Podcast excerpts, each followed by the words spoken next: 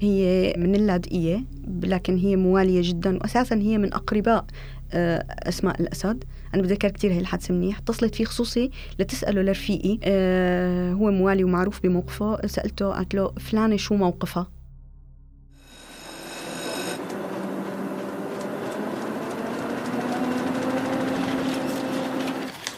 عنب بلدي بودكاست.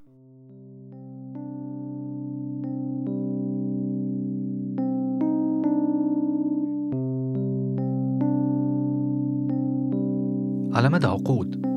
تغنى الشعراء بمدينة دمشق. أبيات شعر وأغاني ومسلسلات تغزلت بهي المدينة. كتار يلي بيكرهوا دمشق وكتار يلي بيحبوها. وهي المدينة بقدر ما بتبين حنونة وحلوة وفاتنة عند آلاف الناس إلا أنه في أسوة هي نفسها مو متعودة عليها. أسوة على أولادها مثل باقي المدن السورية. من هالناس اللي قسيت عليهم الشام نيفين. وهو اسم مستعار لصبية كانت بتشتغل بوحدة من البنوك الخاصة بالعاصمة السورية. نيفين شافت معاناة الناس بمخيم الزعتري. كانت على بعد خطوة واحدة من الموت أكثر من مرة. ما في كتير معاناة أو وجع بس في كتير بوح وغصة. والسؤال ليش؟ معكم مواطن سوري من عنب بلدي بودكاست وأنا يامن المغربي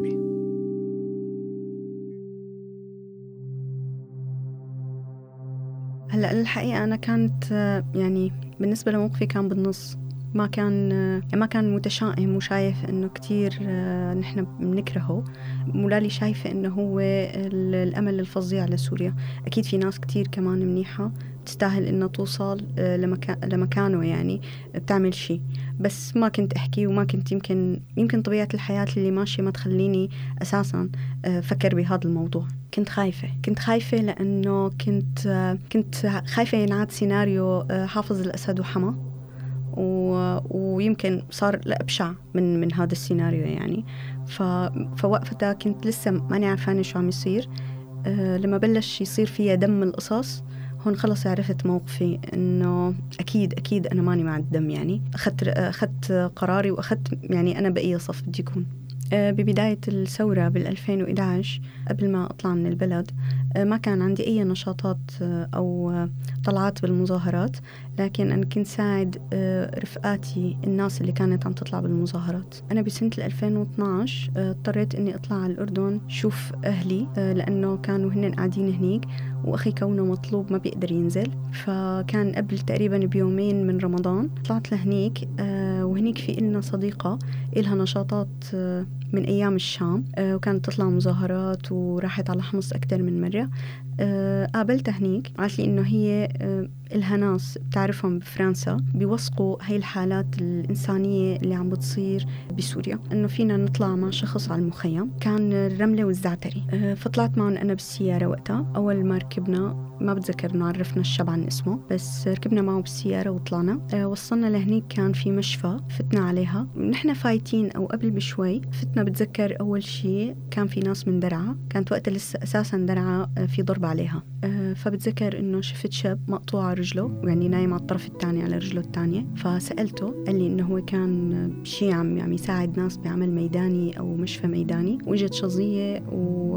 وانقطعت رجله. بعدين فتت على غرفة كان فيها مرة تقريبا بأول الأربعينات من عمرها مسطح قدامها شاب عرفنا منها للأم إنه عمره 18 سنة هو عم يدرس كان مشان البكالوريا بغرفته حمصي إجت الشظية وجت للأسف يمكن برقبته أو بظهره فاللي صار إنه هو انشل تماما. صار بيقدر إنه هو فقط يعني بيرمش بعينه. بتذكر لهلأ كتير منيح شكله. فهي قاعدة جنبه كانت. فتنا بعدين على غرفة كان فيها رجال.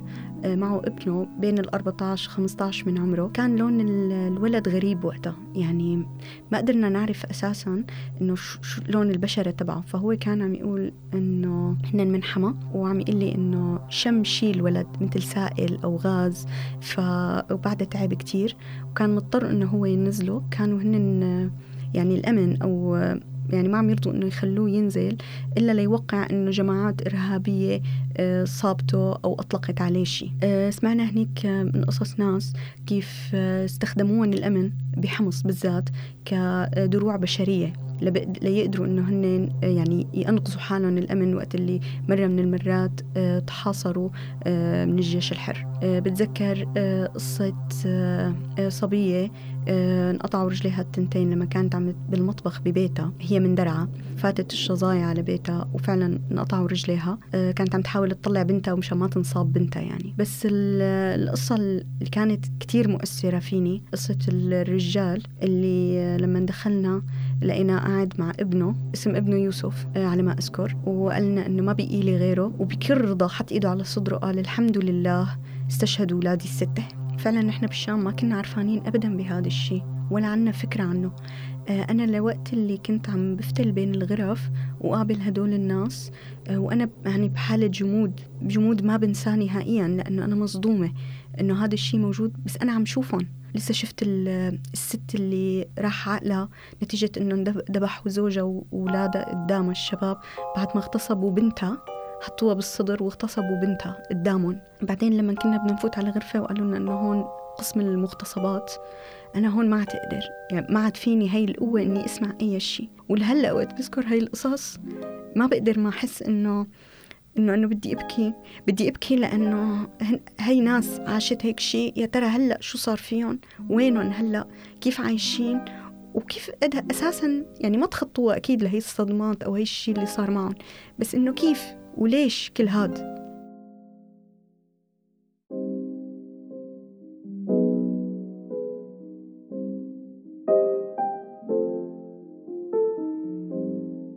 مشاهد مؤلمة شافتها نيفين ما كان في سوري بيتخيل بيوم من الأيام أنه يصير في هيك ببلده ومن المحسوبين على أنهم أولاد بلده.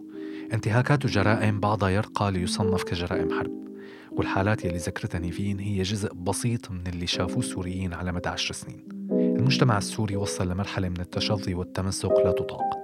صعب يلي عاشوا خلال عشر سنين. وكل حدا بيجاوبك عن اللي صار شكل وما حدا عرفان شو رح يصير. بخلال هالعشر سنين في مئات دفعوا ثمن مروءتهم وشهامتهم ووقوفهم بجنب الناس اللي بيحبون. دافعوا عن مبادئهم قبل ما يدافعوا عن أي شيء تاني حتى وهن في بينهم وبين الموت شعرة وفي مئات نزلوا حسوا إنه هن مظلومين من قبل ناس وفئات ما في بقلوبهم لا شفقة ولا رحمة.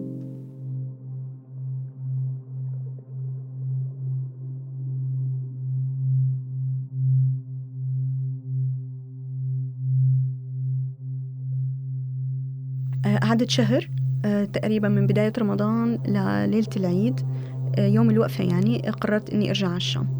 نحن كنا عم نكتب هاي الحالات آه، مشان رفيقتي اللي عم تتعامل مع حدا بفرنسا تبعت له شو شفنا وشو عملنا. بس أنا قبل ما أنزل قريب الحدود هذا الشاب نفسه اللي كنا معه أخذنا ورجانا إنه كل يوم كان بوقتها كانت المعظمية بالذات يعني عندها فيها مشاكل. فبتذكر إنه كان فتح لنا شناتي سفر كانت عم تنزل فيها فيها أدوات طبية من قياس ضغط جهاز قياس ضغط سكر كل هالقصص هي كان في يوميا شناتي عم تنزل من أهل الخير لهديك المناطق. قررت أنا بس رفيقتي ما بتقدر إنها تنزل أنا مضطرة إني أنا أرجع على الشام كان إلي حدا فيها. آه، نزلت مع رفيق بابا بالسيارة. فالنزلة من الأردن حتما أنت على طريق درعا. بتذكر كتير منيح كيف كان. ابتداء من الحدود كيف فتشوا لنا أغراضنا. يعني أنا كبنت تفتشت أغراضي قطعة قطعة ورفعت هيك بالهواء قدام الكل عم تتفتش. آه نزلنا بعدين كل شوي كان في حواجز طيارة. كانوا جدا يعني ناس مرعبة. تعاملنا مع هدول الناس تبع طلع الهواوي ووين نازلين ووين كنتوا. بعدين آه كانت مسكرة الشام نظامي. كان عتمة و- وطبعا أنت بتعرف كان الريف وقتها لسه فيه ضرب وهيك. فأنا بتذكر إنه حاولنا من أكثر من مدخل أو أكثر من جهة إنه نحن نفوت لقلب الشام ولا في طريقة. بس اللي بتذكره كتير منيح إنه كنا بالملاحة آه، كان عتمة كتير. كان شتاء وإنه ماشي على كتير مهل ورفيق بابا. فجأة بنسمع خبط من طرفه من عند يعني السائق آه، فهو هيك ارتعب وسب وكذا طلعنا لقينا رجال نزل الشباك حكى معه قال له كذا قال له أطفي ضوء السيارة في فوقك طيارة بدها تضرب على الضوء في طيارة فوق. أنا وقتها جمدت. شو شعورك وأنت ثواني بينك وبين ضرب بين إنه حدا يعني فوق بده يضرب عليك. نزلنا بالأخير عن طريق جرمانة أخذت معنا ساعات كتير لوصلنا لأنه أساسا كانوا عم يفتشوا سيارة سيارة ورق ورق وناس ناس. وصلت بعدين آه لبيتي. كانت أسوأ رحلة فعلا. يعني بتذكرني كنت كل الوقت آه، يعني إنه مثل عم صمد حالي إنه أوكي وإن شاء الله بنوصل وكذا. لكن وقت اللي نزلت من السيارة كانوا ركبي عم تقصف من الرعبة. كنت كتير خايفة. تفاجأت يوم تفجير الأمويين كان يوميتها البلد فاضية تقريبا. كنا لسه جداد بقلب الشام على هذا الشيء اتصلت فيني والدتي من الأردن وقالت لي هلأ بتطلعي من البلد أو بتطلعي على الأقل من البيت. كرمال جدك ما يتعرض لأي شيء لأنه اللقط رفيق أبوكي ومعه الدفتر اللي أنت كنتي كاتبة عليه. اللي صار كالتالي إنه أنا وقتها كنت كاتبة فقط اسمي بدون لا كنية ولا تفاصيل على الدفتر. آه كنا عم نوثق الحالات أنا ورفيقتي مثل ما قلت لك. فأنا الدفتر ما بقدر أكيد إني أنزل فيه على الشام تركته بالأردن. وقتها والدتي بعثت لي هدايا وأغراض. فشافت دفتري ففكرت إنه دفتر بدي إياه. مسكت هيك وحطته مع الأغراض. لما وصل للحدود تفتش آه، رفيق بابا. فقالوا له شرف معنا. طبعا شرف على طريقتهم يعني. وهو يعني كبير ما صغير يعني. عم أقول لك إنه يعني من قدود والدي. أخذوا حجزوا السياره وحجزوا وبدهم يعرفوا الدفتر لمين ووين كان وشو وشو هذا الحكي كلياته وكذا. طبعا هو انحجز بالسويدة فأنا وقتها تفاجأت بتليفون والدتي. اتصلت فيه مباشرة سبني وإنتي وابوكي وعيلتك وكذا. أنا اضطريت إني أنا أسحب أسحب سي بالموبايل وأطلع من البيت بأي طريقة. ما بعرف شو ضبيت وقتها بالاغراض يعني بس بسيطة هيك إني أطلع. كان بالليل وتخيل يوم تفجير الأمويين والبلد فاضية. قرايبنا ما ما ما فضلوا يعني وما حبوا إنه يستقبلوني يعني. وأنا أكيد ما خبرت القصة للكل بهيك يعني بتعرف الواحد ما بيقدر يحكي شو صاير أساسا. أه فاستقبلتني رفيقة ماما أه بمنطقة مشروع دمر أه قعدت عندها كم يوم لبعدين غيرت كمان ال location تبعي عن طريق رفيقتي. لبين بس كنت وطبعا انقطعت عن وظيفتي دون سابق ابدا يعني لا ملاحظة ولا إني أعطيهم إيميل ولا إني أبعث لهم message ولا شيء ما في يعني ما فيني أشرح بهديك الأوضاع وأنا أنا شو صاير معي أساسا يعني. فاختفيت تماما. ما في غير هالتنتين اللي كانوا بيعرفوا ويني. رفيقتي المقربة ورفيقة ماما. آه، استنيت تقريبا شغلة شي أسبوع لبين ما انفدت القصة بالمصاري بالسويدة. وقال لهم إنه إنه بنت صغيرة وكانت عم تكتب. يعني بصراحة فات لهم بقصص غريبة لحتى قدر إنه يطلع رفيق بابا. ورجع على الأردن وحلف لأهلي إنه هو ما جاب اسمي لحتى قالوا لي أهلي إنه أنا فيني أرجع على البيت. رجعت على البيت قعدت مع جدي وقتها خلص يعني العيلة كلها إنه ما عاد في مجال إني أبقى أكثر من هيك بالبلد. أنا الوحيدة اللي بقياني آه، أخي عن عليه إشارات استفهام أو بالأحرى مطلوب فالمفروض إني أطلع من البلد. حملت حالي آه، وحجزت على مصر وبشهر 11 طلعت على مصر. وأنا طالعة كان لازم يودعوني بإنه يسألوني آه شو شو بيقربني فلان ووينه فلان اللي هو أخي. وحملت حالي وطلعت على مصر. وما رجعت من وقتها على الشام.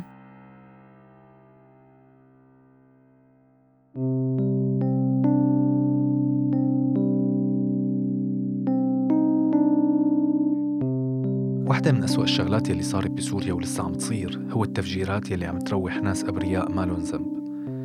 زلمة بسيط ماشي رايح على شغله أو بيته بصير قدامه تفجير ممكن ينهي حياته أو يصيبه إصابة دائمة. هدول الناس البسطاء دائما عم يروحوا بين الرجلين. وفي فئة تانية عانت من الرعب مشان ولا شي. لا تقرير انكتب فيهم أو حدا فسد على شغلهم يلي عم يحاولوا يساعدوا العالم من خلاله. وكأنه الواحد لازم يدفع ثمن إنسانيته أو مساعدته للمجتمع يلي ربي فيه كل عمره سافرت نيفين على مصر. البلد يلي استقبل آلاف السوريين بفترة من الفترات. والطلعة من البلد صعبة. روح البني آدم بتكون معلقة ببيته وحارته وأهله وأحبابه وناسه. ما بيعرف ليش. ما له مضطر أصلا يعرف ليش. بحب هذا المكان وبحب هي البلد وبس.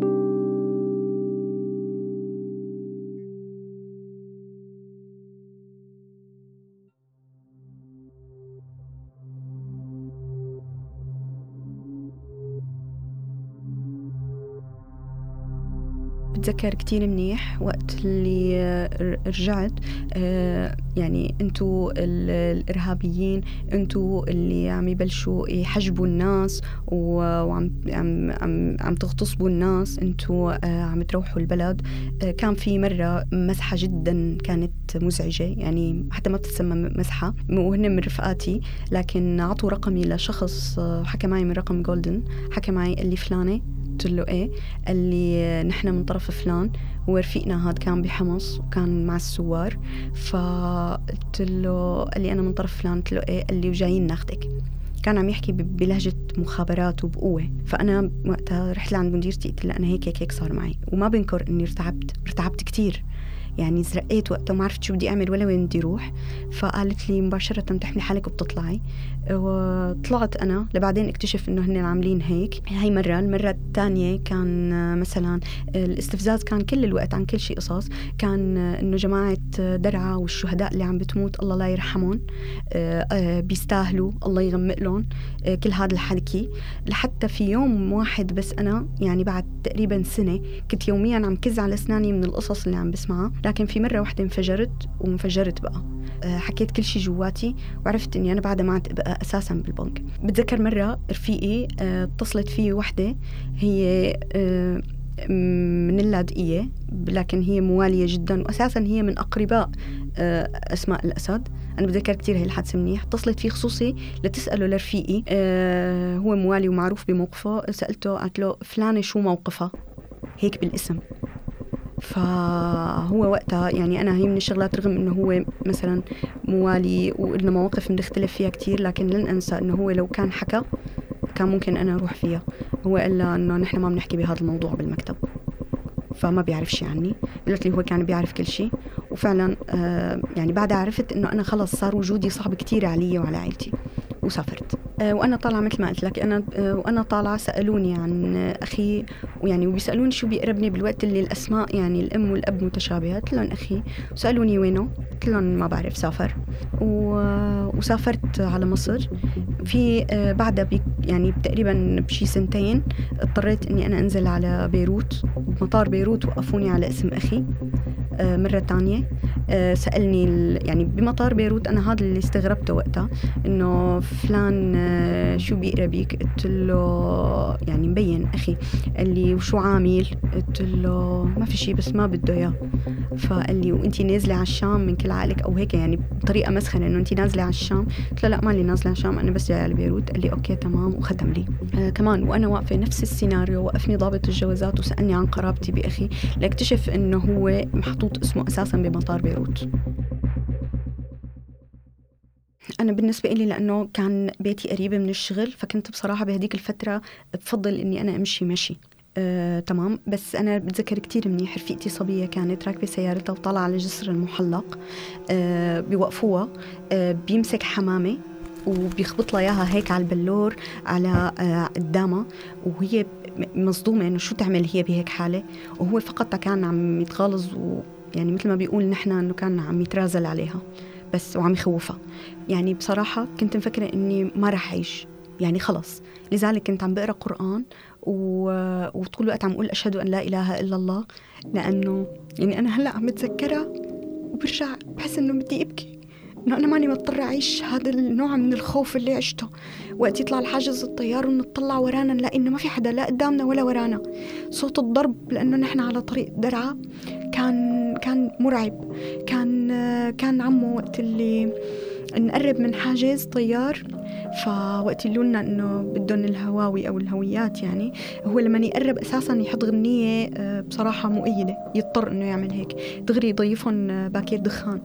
آه، يكون ودود كتير معهم ومع هيك كان مثلا يفتشونا ويسألونا. بتذكر منظر واحد عن جد كان كتير مرعب دقن وبارودة وجسمه ضخم هيك وقرب من السيارة. يعني أنا إذا أخذوني يعني أنا هلأ بصفن فيها طريق فاضي فاضي. إذا أخذوني وقتها وقتلوه أو أي شيء ما في حدا يعرف عنا ولا يدري فينا ولا حتى أهلي ممكن يعرفوا شو صاير معي. وكل حاجز كنا نتعرض لهذا الشيء. فجأة نلاقي الحاجز اسمه حواجز طيارة يطلعوا لنا. وأنا بصراحة بقول لك ما بعرف كيف كيف أساسا عشت. بس اللي بعرفه كتير منيح اني أنا فعلا كنت يعني متجمدة بكرسيي ولما نزلت من السيارة كانت ركبي عم تقصف قصف. بتذكر إني أنا وقت اللي فتحت الباب البيت كان ما في حدا بالبيت. آه، فتحت الباب وبتذكر إني بس شعلت الضوء وسجدت على الأرض إني أنا وصلت. لأنه أنا كنت عرفانة إني أنا ما راح أوصل.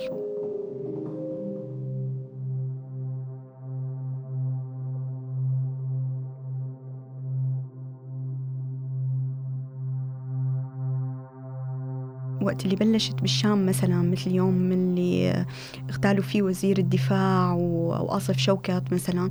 آه، يعني هذا كان بالنسبة لي يوم كتير مرعب لأنه كلهم كانوا آه، خايفين وضايجين والآراء كلها عم تحكي. وأنت الوحيد اللي مانك قدران لا تحكي ولا تعبر. بالإضافة هذا لخوفك لأنه كنا لسه هذا الشيء بالشام كتير جديد. وإنه يصير هيك اغتيال بقلب البلد وتفجير و و كان كان صعب. آه، بدي أحكي لك يوم اللي كان في ضرب رصاص فجائي. النسائي بشارع خالد بن الوليد وكانت أختي لسه ما طلعت على الأردن فأنا اضطريت إني أنا آه، روح أخذها بتاكسي ووصلها آه، يعني من مكان لمكان مشان نجيبها على مكان آمن أكثر بتذكر آه، كثير منيح إني كيف حطيت لها راسها بين رجلي وخليتها إنه هي تحت هي أختي الصغيرة. فأنا خليتها تحت كرمال ما تنصاب وشوفير التاكسي طول الوقت كان عم يسوق لهلأ بتذكر ورافع إصبعته تبع الشاهد عم يتشهد كان لحظات رعب. وقت اللي صرت بعدها امشي وأنا بأي لحظة ممكن يصير ضرب أو أي شيء كنت فعلا خاف. عانيت بعدها آه، فترة من panic attacks نتيجة هذا الشيء. صار في عندي آه، خوف لأنه أنت ما بتعرف فجأة. يعني أنا تخيل مرة كان في زحمة فوقفت السيارة. أنا قلت معقول هلأ آه، ينزل شيء أو ينضرب شيء سواء رصاص قذيفة أي شيء. نحن إنه إنه نروح فيها هيك بلمحة. ف هاي اللحظات من الرعب مهما حاولت وصل لك إياها أنا كنت عايشتها إلى آثار لبعدين صارت معي. ما بنكر هذا الشيء تعالجت بعدها فترة لأنه صار في عندي دائما تخوف. بعدين بالنسبة لشغلي آه، كان بالنسبة إلي نوع من الكبت. أنا قاعدة طول الوقت كاسة على أسناني. في كتير عندي شيء بدي أحكي في حق بدي أحكي عنه. وماني قدرانة لأنه أنا بلحظة ممكن آه، ممكن إنه آه، يعني ينكتب فيني تقرير مثل ما انكتب بكتير صبايا عنا وشباب من البنك للأسف. فجأة يخبرونا مدراء مدراء إنه آه، فلانة انسحبت من بيتها فلانة من وراء المكتب فلان يعني تخيل أنا كنت قبل بكم يوم موظف بحما عم بعمل له يعني شغلة بيني وبينه بالشغل. فبتفاجئ عم يحاكيني مديره إنه هو خلص إنه إنه أخذوه والتهمة إنه قرايب العرعور طب شلون هيك؟ كيف يعني هيك؟ آه، رفيقنا وكان واحد من رفقاتي المقربين كمان بأحد الفروع إجوا أخذوه من وراء المكتب. آه، وكان يعني وقت اللي طلع قعد عندهم شوي فوقت اللي طلع كان عم يحكي لي إنه إنه لسه ما فات على المكتب كان عم يستقبله بصباطه العسكري على وشه اللي بتذكر إنه راحت رقبتي ورجعت. هذا لسه ما بيعرف عنه شيء ولا شو صار ولا شو عامل ولا أي شيء الناس اللي حواليك اللي اللي مثلك أنت ما عاد فيك إنه تجتمع معهم وتحكي معهم لأنه كله مراقب وأنت خايف. وبنفس الوقت عم تسمع عن يعني من زملائك الشيء النقيض تماما اللي هو قمة الموالاة وقمة التشبيح العمياني وقمة الاستفزاز وأنت مو قادر ترد.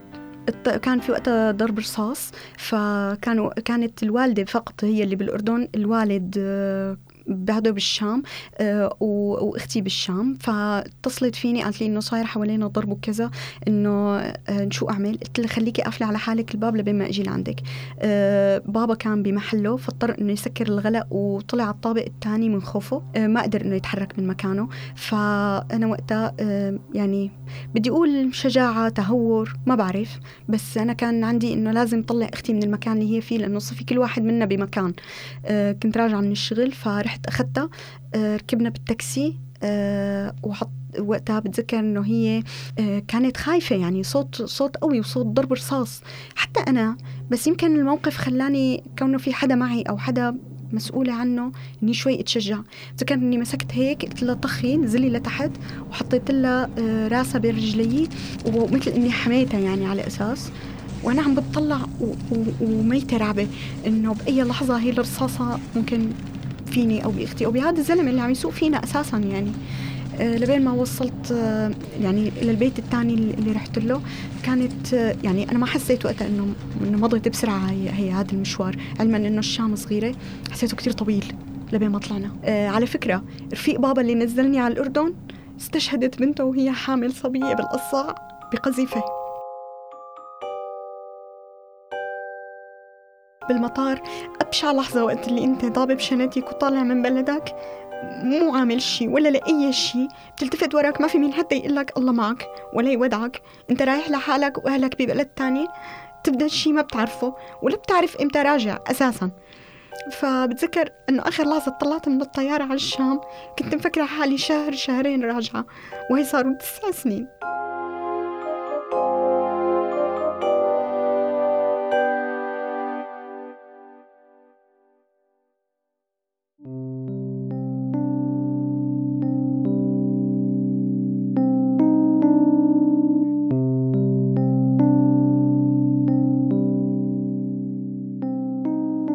طلعت نيفين من الشام حصلت على الجنسية المصرية.